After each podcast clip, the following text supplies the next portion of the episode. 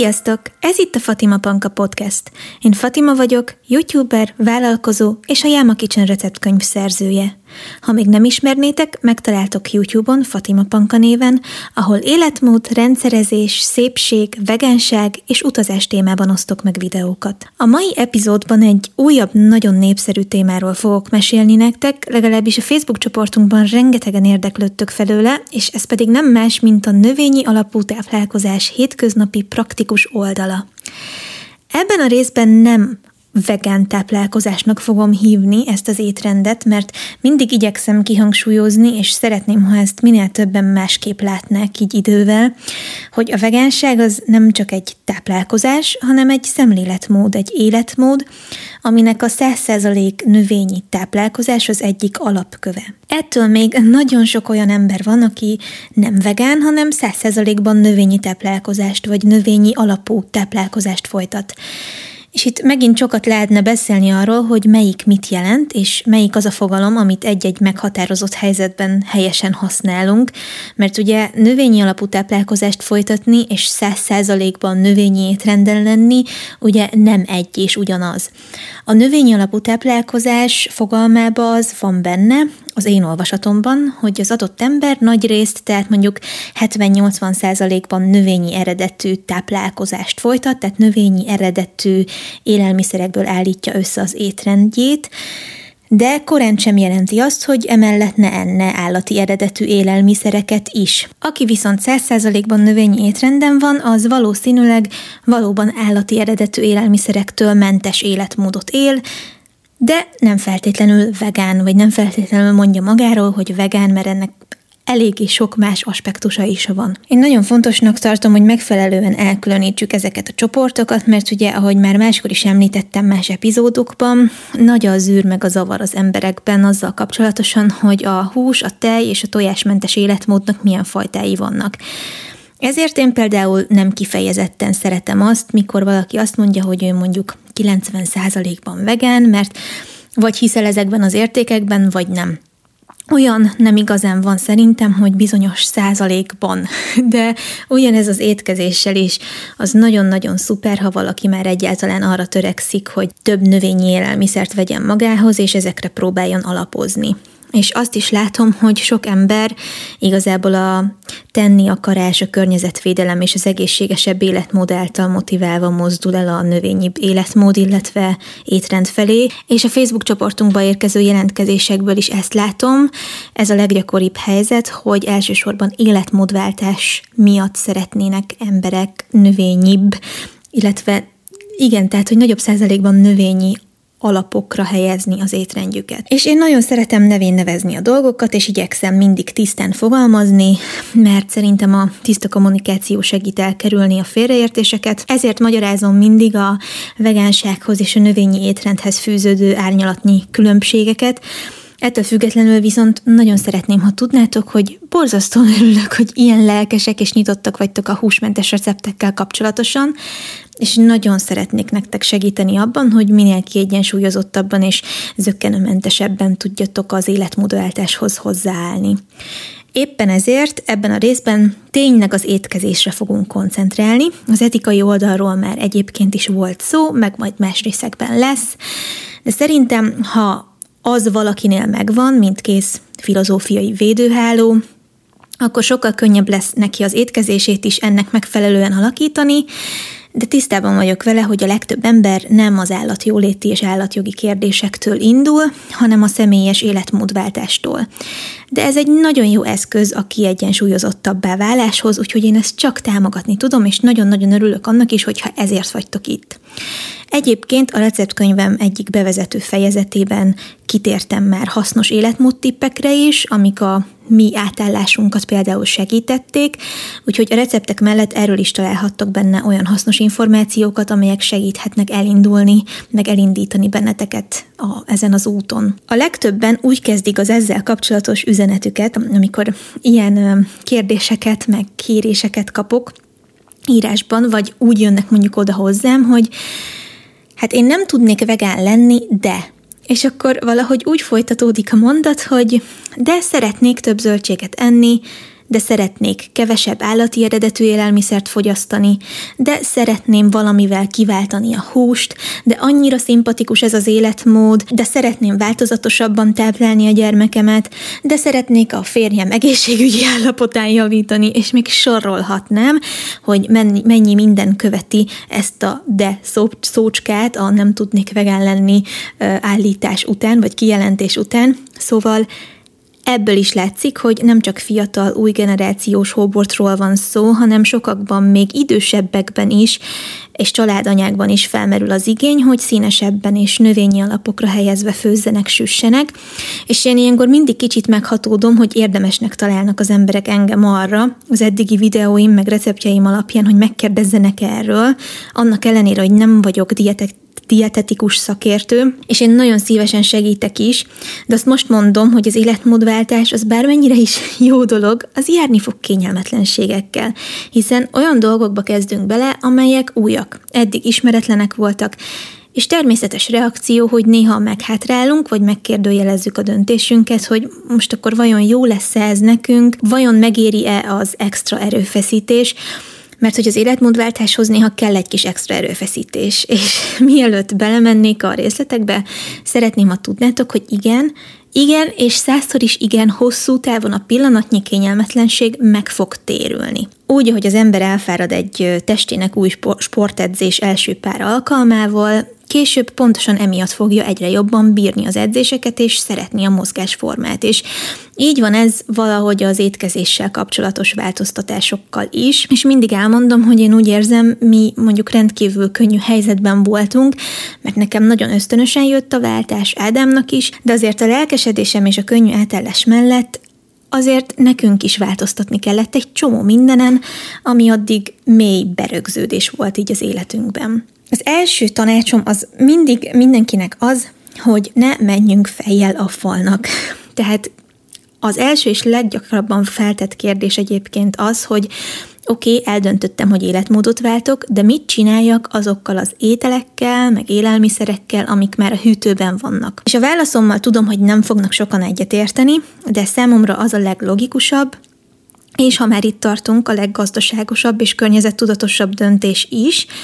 azokat szépen lassan azért elfogyasztjuk, vagy ha nem szeretnénk, akkor eldobás helyett mindenképpen ajánljuk fel másoknak, akik megeszik és szívesen elfogyasztják, mert én nagyon nagy pazarlásnak gondolom azt, hogyha valaki hirtelen felindulásból kidobál random dolgokat a konyhaszekrényből, meg a hűtőből, úgyhogy mi például a húson kívül elfogyasztottunk mindent, ami még a hűtőnkben volt, de aztán nem vásároltunk többet olyan élelmiszereket, amiket nem gondoltunk jónak. Viszont attól is végtelenül rosszul éreztük volna magunkat, ha hirtelen a hűtő harmada az a kukában végezte volna. És ennek nem kell így működnie, Szerintem a környezettudatosság része, hogy ilyen impulzív módon nem szabadulunk meg élelmiszerektől. És ez is segíti a fokozatosságot, aminek én nagyon nagy híve vagyok, és nem győzöm hangsúlyozni, hogy a fokozatosság az fél siker, főleg olyan emberek számára, akik elsősorban az étkezésüket szeretnék kicsit átformálni. Szóval ne dobjunk semmit a kukába csak azért, mert hoztunk egy döntést, hanem találjunk valakit, aki esetleg rászorul, vagy szívesen elfogad olyan ételeket, amelyeket mi szeretnénk már a továbbiakban mellőzni, és könnyebb lenne nem nézegetni őket a, a hűtőben, meg a konyhaszekrényben, és legfőképpen nem hagyni őket megromlani. Az én lelkiismeretemnek például tök jó volt az, hogy nem két zsák tökéletesen fogyasztható, kidobásra ítélt élelmiszerrel futottam neki ennek az egésznek,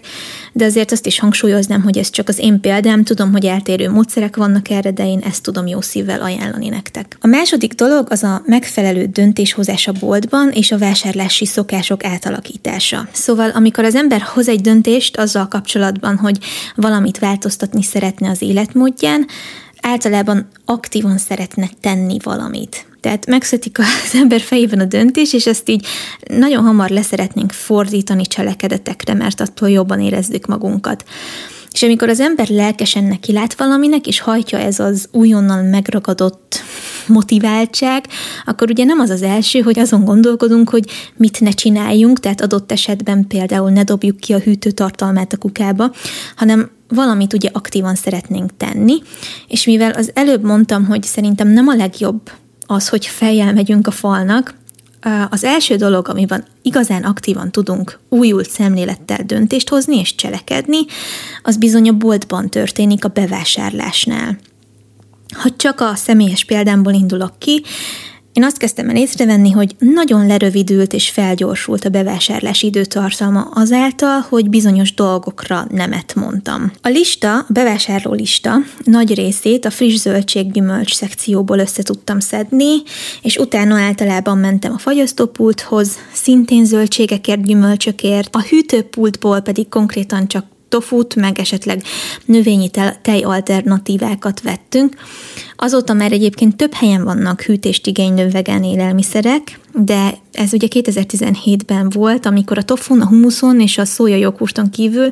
hát a hozzánk legközelebb eső üzletben nem nagyon volt semmi, és ez is, ennek is nagyon-nagyon örültünk, hogy egyáltalán ennyi mindent be tudtunk szerezni egy helyen. Szóval más nem nagyon volt, ami érdekes lehetett volna számunkra, és nagyon gyorsan egy-egy vásárlás végére tudtunk így érni. Nagyon jó érzés volt, hogy célirányosabbá vált a vásárlás, és tényleg csak olyan részeire mentem a boltnak, ahol tudtam, hogy számomra megfelelő élelmiszerek vannak.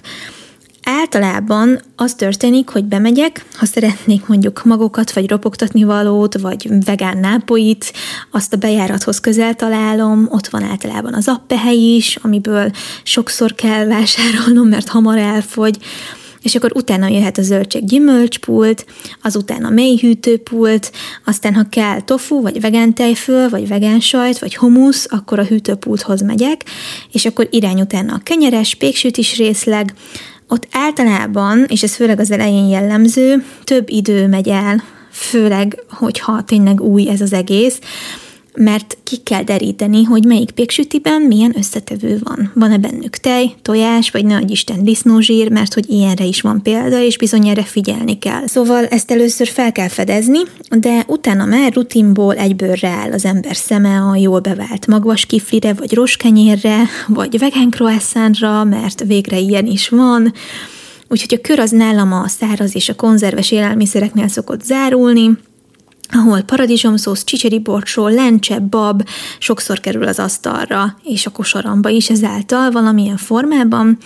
Hát én a könnyebbség és az idő megtakarítás kedvéért sokszor a konzerves vízben eltett megoldást választom, mert pillanatok alatt készen van, tehát tényleg általában ezen a soron szokott lenni amúgy a liszt is, a cukor, meg az olaj, úgyhogy tényleg nagyon hamar magamhoz tudom venni, ami kell,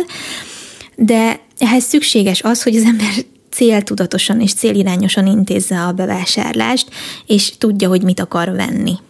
Nekem az elején például tök nagy könnyebbség volt az, hogy nem kellett 10 percig gondolkodnom azon, hogy melyik doboz csirkemel néz ki úgymond a legjobban,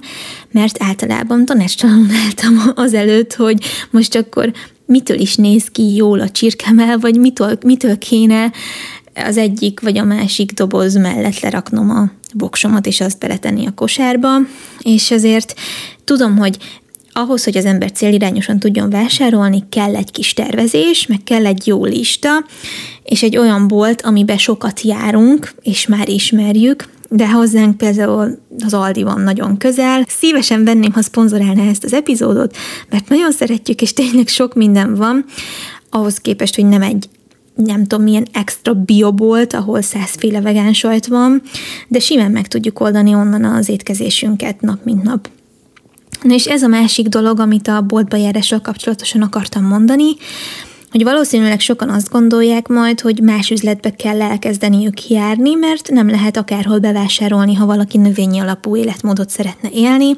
de ez egyáltalán nem igaz, csak éppen nagy valószínűséggel olyan dolgokat is meg fogtok vásárolni, és az üzlet olyan polcaihoz is oda fogtok menni, ahova eddig nem mentetek, és lehet, hogy nem is tudtátok, hogy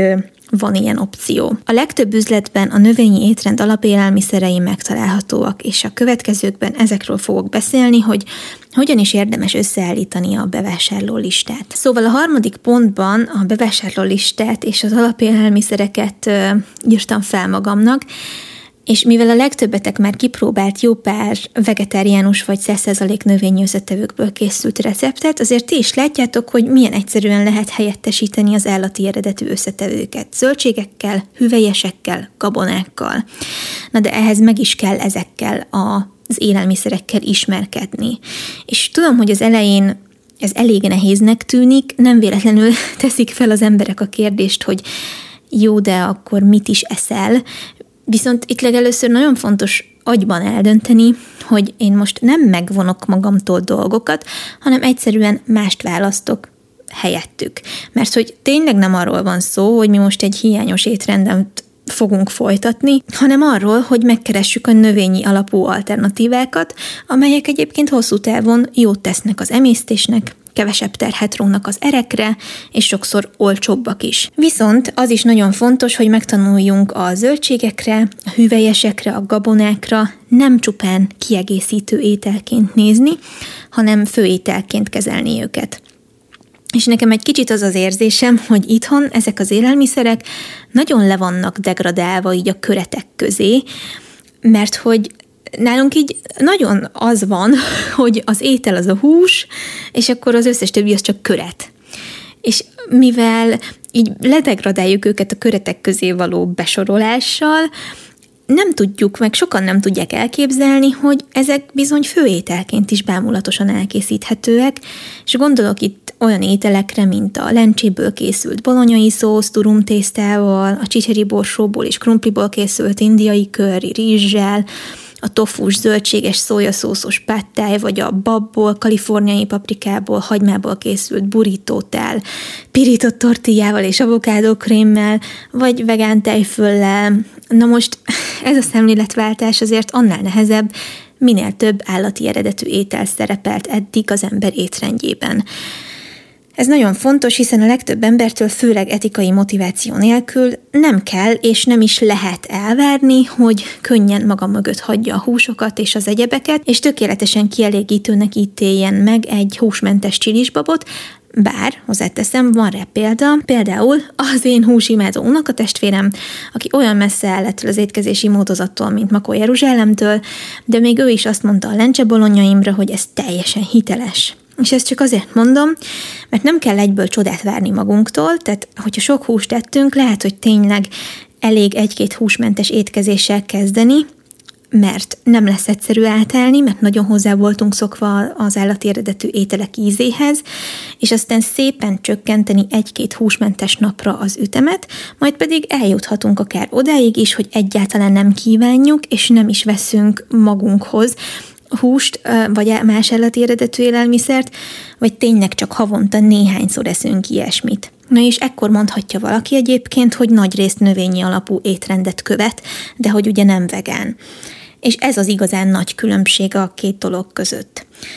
A lényeg, hogy ha valaki szignifikáns csökkenést szeretne elérni a húsfogyasztásában, azt lehet és sokszor szerencsés szép fokozatosan csinálni. Ha minden hirtelen új, az ijesztő lehet, és ami még nagyon fontos, hogy ennél az életmódnál jól össze kell ismerkednünk a fűszerekkel, hiszen ezek lesznek azok az összetevők, amelyek segítenek feldobni az olyan alapfehérje forrásokat, mint a bab, a csicseri borsó, a lencse vagy a tofu. És ezek egyébként az emésztésnek is nagyon jók, bár előfordulhat, hogy valakinek a hirtelen megnövekedett rostbevitel miatt kicsit megváltozik az emésztése, és puffadással kell megküzdenie,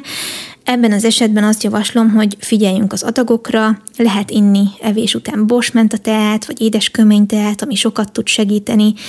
és persze a napi megfelelő mennyiségű vízbevitel is nagyon fontos az emésztéssel kapcsolatban,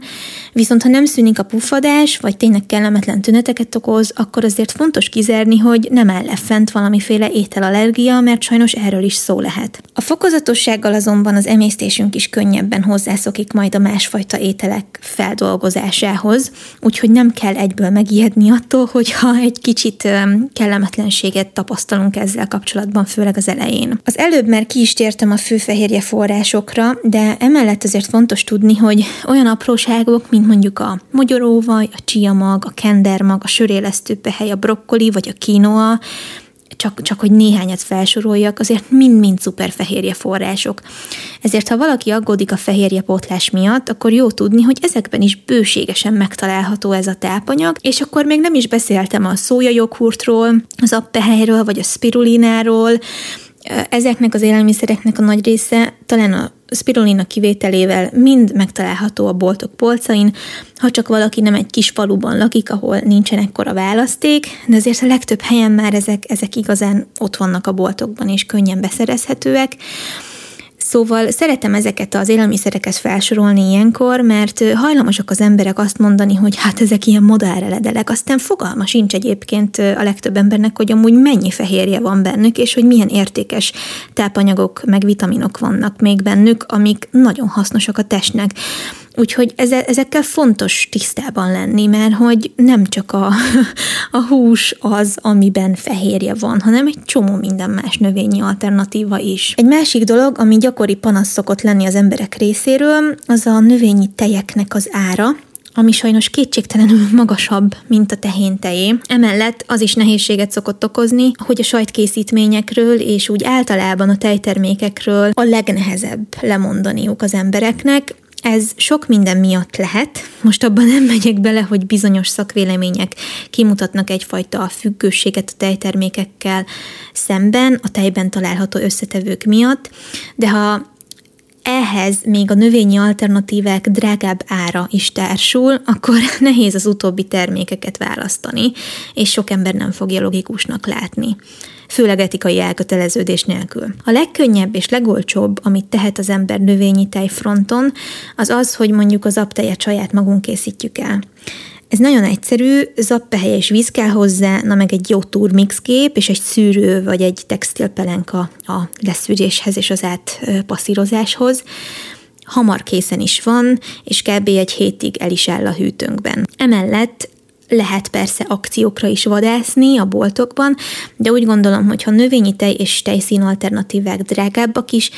Más helyeken viszont tudunk pénzt spórolni ezzel az életmóddal, mert a bab, meg a csicseri, meg a lencse, meg a legtöbb ilyen alapzöldség azért nem tartozik a drága élelmiszerek közé. És mi is nagyon figyelünk arra, hogy ne az agyon feldolgozott készítményekre alapozzuk az étrendünket, pedig már vannak szuper vega és vegán kolbászok, hamburger hús utánzatok, sajtok, mindenféle, amit csak el tudtok képzelni, és időnként jó egy-egy ilyen finomságot kipróbálni, de nem lesz fenntartható az életmódváltás, ha ezekre alapozunk, mert rendkívül költséges, és nem is túl egészséges. És nagyon fontos látni, hogy a túlfeldolgozott élelmiszerek sem az állati eredetű összetevőket tartalmazó termékek közül, sem pedig a növényi alternatívák közül nem tartoznak a tápláló és igazán egészséges termékek közé, ezért, ha finomnak is találjuk őket, azért fontos, hogy megtartsuk a mértéket. Én például pontosan azért szeretem ezt az étrendet, mert végtelenül egyszerű, és a sokféleségével, a színességével együtt nagyon minimalista és letisztult. Hiszen nincs az, hogy a boltban tízféle felvágott közül kéne válogatni, hanem a friss zöldség gyümölcspultnál gondolkodom el azon, hogy milyen zöldségből készült pástétomot kenek majd a szendvicsemre. Ezzel azonban nem lehúrogni szeretném a vegán készítményeket, mert tényleg mérhetetlenül örülök annak, hogy tudunk vegán kolbászkákat tenni mondjuk egy tofurentottához egy hétvégi villás reggeli során, vagy ha szeretnénk, akkor tudunk egy kiadós burger tenni, anélkül, hogy egész nap a konyhában kellett volna robotolni. Szóval ezek jó dolgok a megfelelő mennyiségben. És szuper látni, hogy mekkora igény van rájuk, hiszen nem véletlen, hogy már ilyen nagy gyorsétterem láncokban is megjelennek a vegetáriánus vagy a vegán opciók. És ez egy nagyon-nagyon jó dolog. Szóval a bevásárlólista összeállításakor, de inkább előtte próbáljuk meg átgondolni, hogy mennyi időt fogunk tudni főzésre szánni, meg hogy milyen ízeket kedvelünk egyáltalán, és ennek megfelelően keressük meg a recepteket, amelyeket aztán elkészítünk a hét folyamán. Főleg a megfelelő fehérje bevitel körüluralkodó pánik miatt is ajánlom, hogy tessék olvasni és kutakodni a felől, hogy melyik zöldségben, gyümölcsben, gabonában, hüvelyesben mennyi fehérje és más alaptápanyag található. Az emberek általában megszoktak lepődni, hogy milyen hamar összejön étrendkiegészítő fehérjeporok nélkül a napi ajánlott fehérjebevitel a növényi étrenden is. Az ismerkedési fázisban tényleg arra érdemes inkább koncentrálni, hogy egy-egy húsmentes ételt kipróbáljunk, és elkészítsünk saját kezűleg, és ha ne adj Isten nem sikerül, akkor ne adjuk fel az első kudarc után. Hiszen egy adott étel az nem feltétlenül azért rossz, mert nincs benne hús hanem valószínűleg nem jól lett elkészítve, vagy egyszerűen csak a mi szájunk ízének nem megfelelő. És sajnos sokszor történik meg az, hogy egy vegyes étrendű ember megkóstol egy vegaburgert, ami éppen nem sikerült jól, vagy neki éppen az a fajta kombináció nem jött be, és azonnal azt mondja, hogy na hát én megmondtam, hogy ez szar lesz, meg hogy ez olyan, mint a fűrészpor, és egyáltalán. És érdekes módon ilyenkor hajlamosak elfelejteni az emberek, hogy mennyi rosszul sikerült húsos, teljes, meg tojásos ételbe futottak már bele életükben. Szóval mindent el lehet ám rontani, de piszkosul, hogyha nem jó a recept, de újdonság kipróbálása előtt próbáljunk meg a lehető legelőítéletmentesebbek lenni, és nyitottabbak lenni ezekkel a receptekkel. A fokozatosságot azt kifejezetten azoknak ajánlom, akik a sok hús és állati eredetű élelmiszer mellett nem ettek megfelelően változatosan zöldségeket és gyümölcsöket, meg magukat és gabonákat. Ezt az étrendet mindenképp a teljes értékű, nem pedig a feldolgozott élelmiszerek társaságában érdemes folytatni, ezt még egyszer is kiemelem. Viszont aki nincsen hozzászokva a táplálékok igazi, úgymond natúr ízéhez, az hamar azt mondhatja, hogy köszi, ez nekem nem jön be, és feladja. Ugye az is változik ezzel, hogy az étteremben nem fog majd az életmódváltásba belekezde, belekezdő ember rántott húst vagy rántott sajtot kérni, pedig eddig mindig azt kért, hanem esélyt kell adni más dolgoknak is, ami tényleg táplálóbb, és amiben vitaminból is több található. De ez nem mindig lesz egyszerű, és gyakorolni kell az új döntések meghozatalát, és hogyha ötből kettőször sikerül, az első egy-két hónapban már azt is sikerként kell megélni nagy szerencséje lesz annak, aki már amúgy is érdeklődik a konyhaművészet iránt, vagy más népek konyhája iránt, így a kísérletező kedv nem áll távol tőle. De aki nem ilyen, és mégis változtatni szeretne, az kicsit nehezebb helyzetben van, úgyhogy nekik tényleg azt ajánlom, hogy szépen lassan, lépésenként álljon neki, és számítson arra, hogy hozzászokni az új ízekhez időbe telik majd. De idővel és kitartással és nyitottsággal mindent el lehet érni. A negyedik pontba írtam az éttermeket és a kinti étkezést, tehát ami nem otthon történik.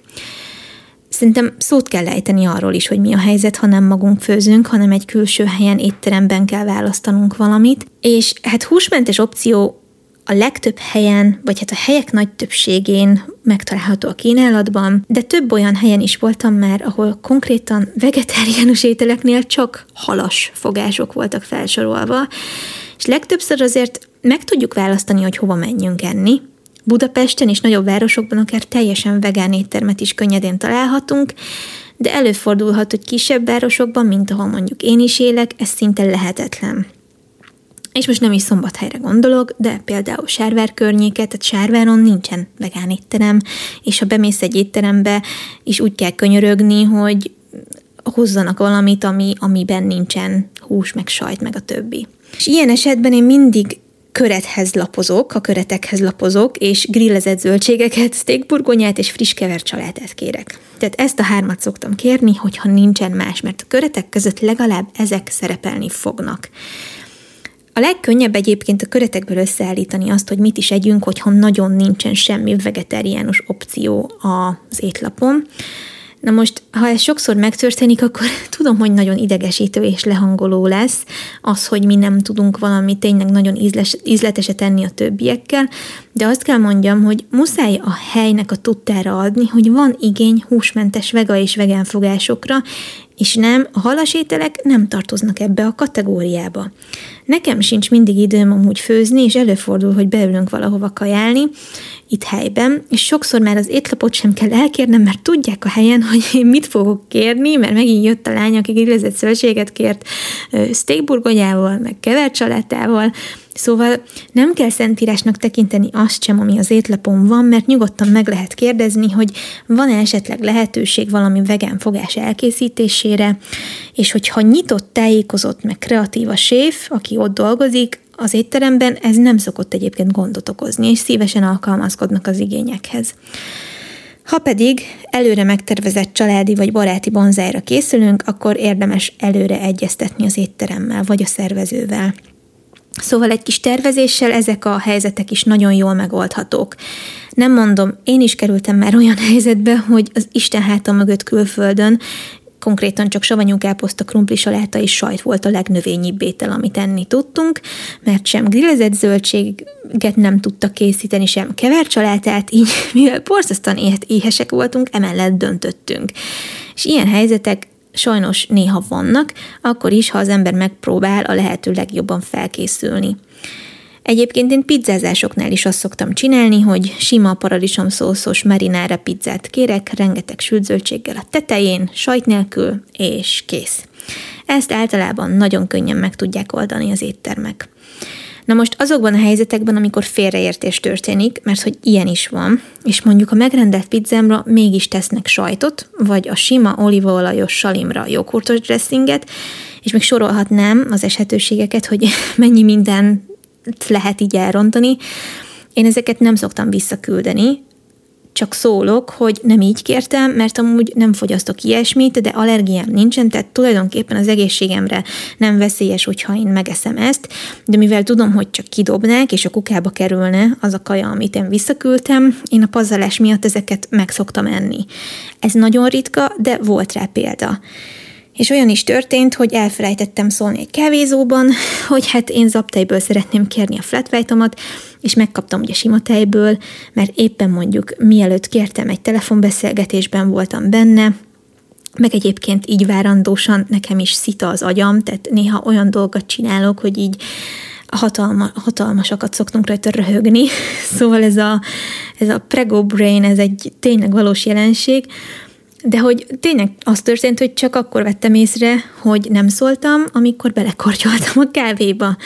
És hát kijönteni nem akartam, meg hát csak kijöntötték volna, meg már ki is fizettem, és hát persze nagyon dühös voltam magamra, hogy elfelejtettem, hogy mennyire nem egyértelmű a világnak amúgy, hogy nem tehéntejet használnak, hanem valami mást, de nem küldtem vissza, hanem megittam, mert mondom, most inkább megiszom, nem fogom kidobni. Szóval ezt csak azért mondom el, mert ritkán, ritkán ugyan, de velem is előfordulnak ilyen helyzetek, és ha csak nem húst raknak elém, akkor igyekszem én is rugalmas lenni, és akkor az az aspektus kerül előtérbe, hogy ne kelljen eldobni az ételt. Ha húst raknának elém, az más kérdés, azt nem tudnám megenni. Tehát azt arra én most így ránézek, és én fizikálisan képtelen lennék arra annyira, hogy is mondjam, ellenkezik a testem iránta, hogy ha csak nem valami olyan állapotok uralkodnának, hogy nincsen más étel, amitől életben maradnék, és megmenekülnék, akkor nem enném meg azt nem, tehát az semmi esetre sem, de ilyen szerencsére nem is történt még, és a fent említett esetek is eléggé ritkák. Szóval fontos, hogy ne stresszeljünk annyira rá erre, és igyekezzünk előre tervezni, amennyire csak lehet, amikor, amikor pedig marad a grízöltség steakburgonyával, akkor annak kell örülni, hogy legalább volt valami, amit az adott hely hajlandó volt elénk rakni. De egyébként külön szuper program lehet a vegan friendly helyeket felkutatni, és szuper program ezeket így végigkóstolni, meg hát segít az új ízek felfedezésében. És amikor az ember tudatosan keresi ezeket a helyeket, akkor igazából rá is döbben arra, hogy bizony elég nagy a választék, és hogy nem kell annyira elkeseredni, mert nem kell éhen holni feltétlenül.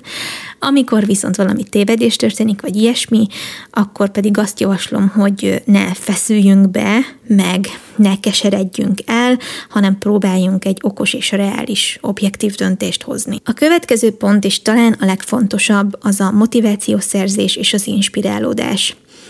A sikeres életmódváltásnál talán az a legfontosabb tényező, hogy valaki megtalálja a miértjét, ami tényleg előre hajtja, és egy hosszú távú elköteleződést tud kialakítani benne.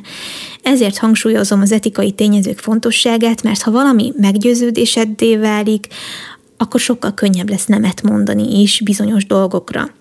Ha valaki még csak szemezget az életmóddal, akkor borzasztó fontosnak tartom, hogy olyan közegbe vagy csoportokba is bekapcsolódjon, ahol már vannak több éve növényi alapú vagy 100% növényi étkezést folytató emberek és látni fogjátok, hogy mindenkit más indított el az úton. Csak érdekességként mesélem el, hogy éppen az utóbbi hetekben ismerkedtem össze egy anyukával, aki szoptatás alatt hagyta el a tejtermékeket, és a húst is, konkrétan orvosi javaslatra, mert nem tett jót a picinek. Meg is szűntek a hasfájós időszakok náluk, Aztán az anyuka is észrevette, hogy mennyivel jobban érzi magát a bőrében, és ő is, és a gyerek is szépen lassan azon kapták magukat, hogy 100% növényi étrenden vannak.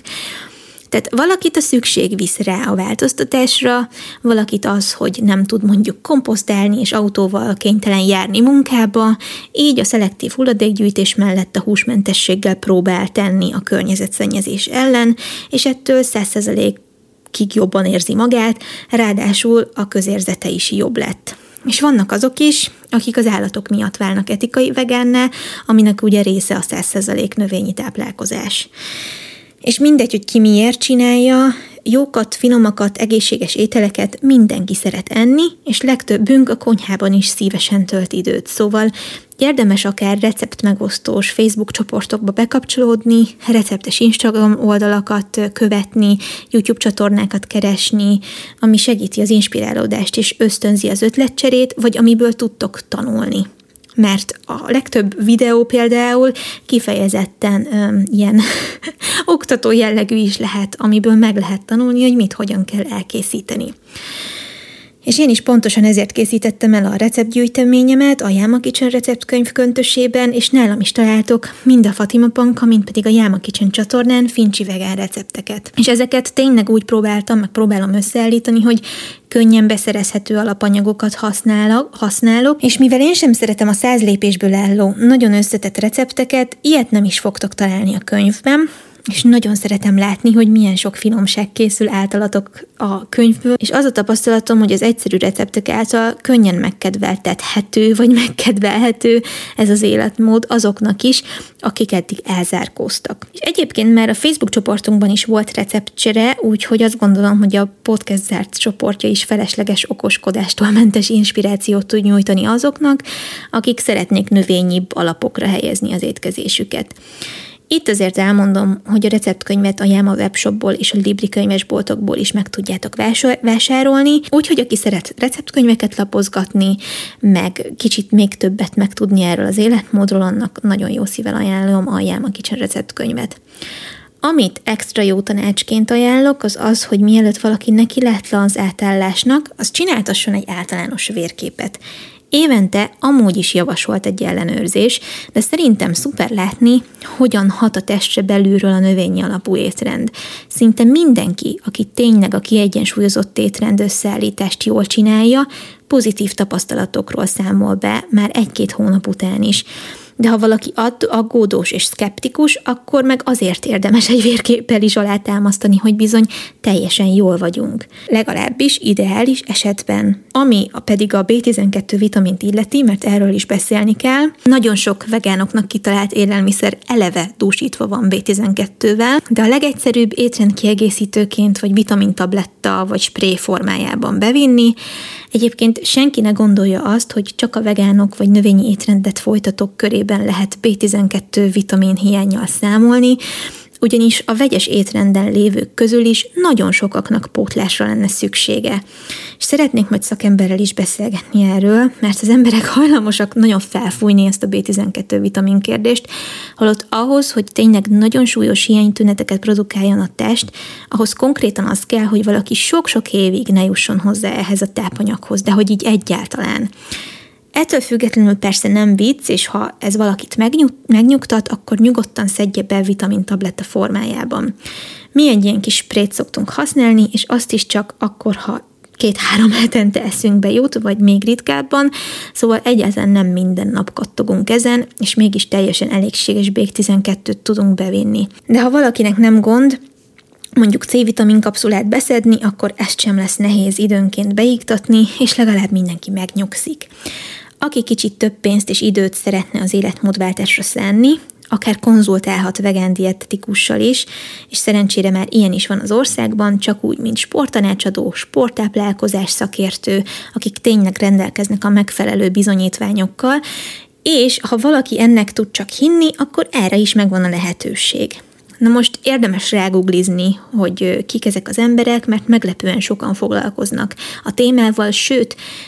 ami még jobb, akár mi magunk is elvégezhetünk egy növényi étrendre specializált dietetikai tanfolyamot. Tehát ezt itt nem kell nagyon bonyolult dolgokra gondolni, elég közérthetően vannak ezek kitalálva,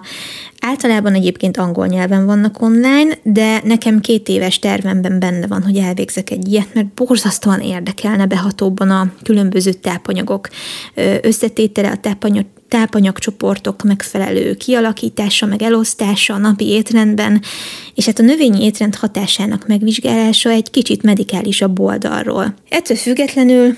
megfelelő odafigyeléssel, tényleg józan paraszti észszel egyszerűen kialakítható a mindennapi étkezésünk, nem kell szakembernek lenni ehhez.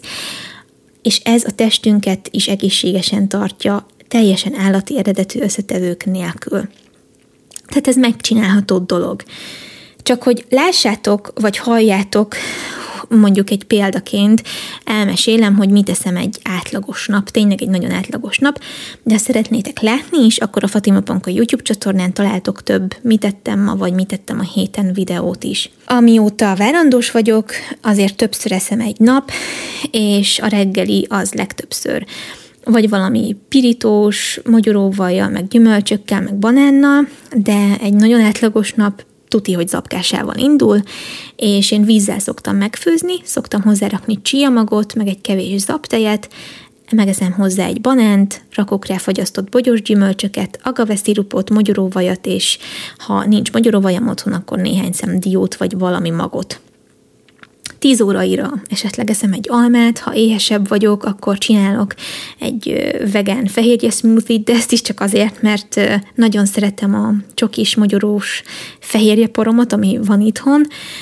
főleg, hogyha sportolok, akkor ez tök jól tud jönni. Ebédre valami krémlevest szoktam enni, esetleg mellé humuszos, sült, tofus, tortilla tekercset, jó sok salátával, úgyhogy ez egy ilyen nagyon átlag dolog, amit sokszor szoktam enni uzsonnára lehet valami édesség, vagy egy kávé, vagy bármi apró snack, ez mindig változik egy kicsit. Vacsorára pedig legtöbbször valami kicsit tartalmasabb dolgot szoktunk enni, mondjuk csicseris vagy vöröslencsés körrit, amiben van burgonya is, és akkor ehhez szoktam főzni rizst, és szoktam hozzá halmozni savanyú káposztát, meg friss leveles salátát. Tehát, hogy mindig igyekszem azért arra is törekedni, hogy friss, roppanos, főzetlen zöldség is kerüljön az asztalra. Adagokat nem mondok, mert mindenkinek más az adagja, de azért nekem nagyon jó az étvágyam, úgyhogy jól szoktam lakni ezekkel az ételekkel, és ebben megvan minden, ami kell. Ebben az a jó, hogy az apkását például előző este el lehet készíteni, hogy ne menjen vele reggel az idő, sőt, a tortillatekeshez is lesüthetjük a tofut már előző este, főleg ha munkába vagy csuliba visszük magunkkal az ételt, úgysem melegen fogjuk elfogyasztani. A lencsés és krumplis körriből pedig érdemes annyit készíteni, ami két-három étkezésre elég, így egy csomó időt meg lehet spórolni. Ha valaki mondjuk nem szereti a tofut, akkor pedig valami zöldségfasírtot ajánlok helyette, én például imádom a falafelt, a rizses babfasírtot, de a csatornámon készítettem már reszelt zöldségekből mandulalisztes főzelék feltétet is, ami kiváló lehet wraphez vagy szendvicshez. A lényeg, hogy mindig törekedjünk friss, ropogós zöldséget, gyümölcsöt is magunkhoz venni két étkezés között, vagy egy étkezéshez, és bánjunk bátran a fűszerekkel, és élvezük azt, hogy nagyon jót cselekedünk a testünkkel. Ez borzasztó fontos, hiszen lelkileg is megnyugtató a testnek hasznos táplálékot magunkhoz venni. Emellett pedig érdemes elkerülni a cukros üdítőket, de ha valaki nagyon hozzá van szokva ezekhez, akkor csak szép lassan válasszuk le az étkezési szokásainkról ezeket is. Mert hát a víz és a finom teák a legjobbak a testnek, lehetőleg cukor nélkül. És ha mindezt mozgással is kombináljuk, akkor aztán tényleg nagyon hamar érezhető és sok esetben látható változást tudunk produkálni. Ennél pedig semmi nem lesz motiválóbb ahhoz, hogy tovább haladjunk ezen az úton. A lényeg, hogy adjunk időt magunknak, és kiegyensúlyozottan cselekedjünk, és ne gondolkodjunk szélsőségesen. Nagyon szeretném a későbbiekben egy kicsit közelebbről is megvizsgálni szakmai szempontból szakember segítségével itt a podcastben a növényétrendet és az előnyeit, de addig is azt mondhatom, hogy kevés utána járással az eredmények önmagukért beszélnek. Úgyhogy egy kis odafigyeléssel nagyon sokat tudunk tenni magunkért, a környezetünkért és az állatokért is. Úgyhogy remélem, hogy hasznosnak találtátok ezt az epizódot. A beszélgetés pedig folytatódik a zárt Facebook csoportunkban, úgyhogy keresetek rá Facebookon, Fatima Panka Lifestyle Podcast néven találjátok a zárt csoportok között, és légy szíves válaszoljatok a három belépő kérdésre, ennek fejében tudunk benneteket beengedni. Ezen kívül megtaláltok Instagramon, Fatima Panka néven, ahol már 19 ezeren vagyunk, és ezt el sem akarom hinni, úgyhogy nagyon-nagyon-nagyon köszönöm, hogy ennyien követitek az oldalt, és igyekszem szemet gyönyörködtető szép képeket, meg igényes tartalmakat megosztani veletek ott is, mert a YouTube csatornán is elhagytuk a 27 ezret, ami valami hihetetlen, dolog nekem, tehát ez fantasztikus érzés, úgyhogy köszönöm nektek. Itt is ugye Fatima Panka néven találtok meg, a receptes csatornámat pedig, amit kicsit ritkábban frissítek, de azért oda is kerülnek még fel idén videók bőven, Jáma Kitchen néven találjátok meg. Úgyhogy köszönöm, hogy velem voltatok ebben az epizódban is, és a következőben találkozunk jövő héten. Vigyázzatok magatokra, sziasztok!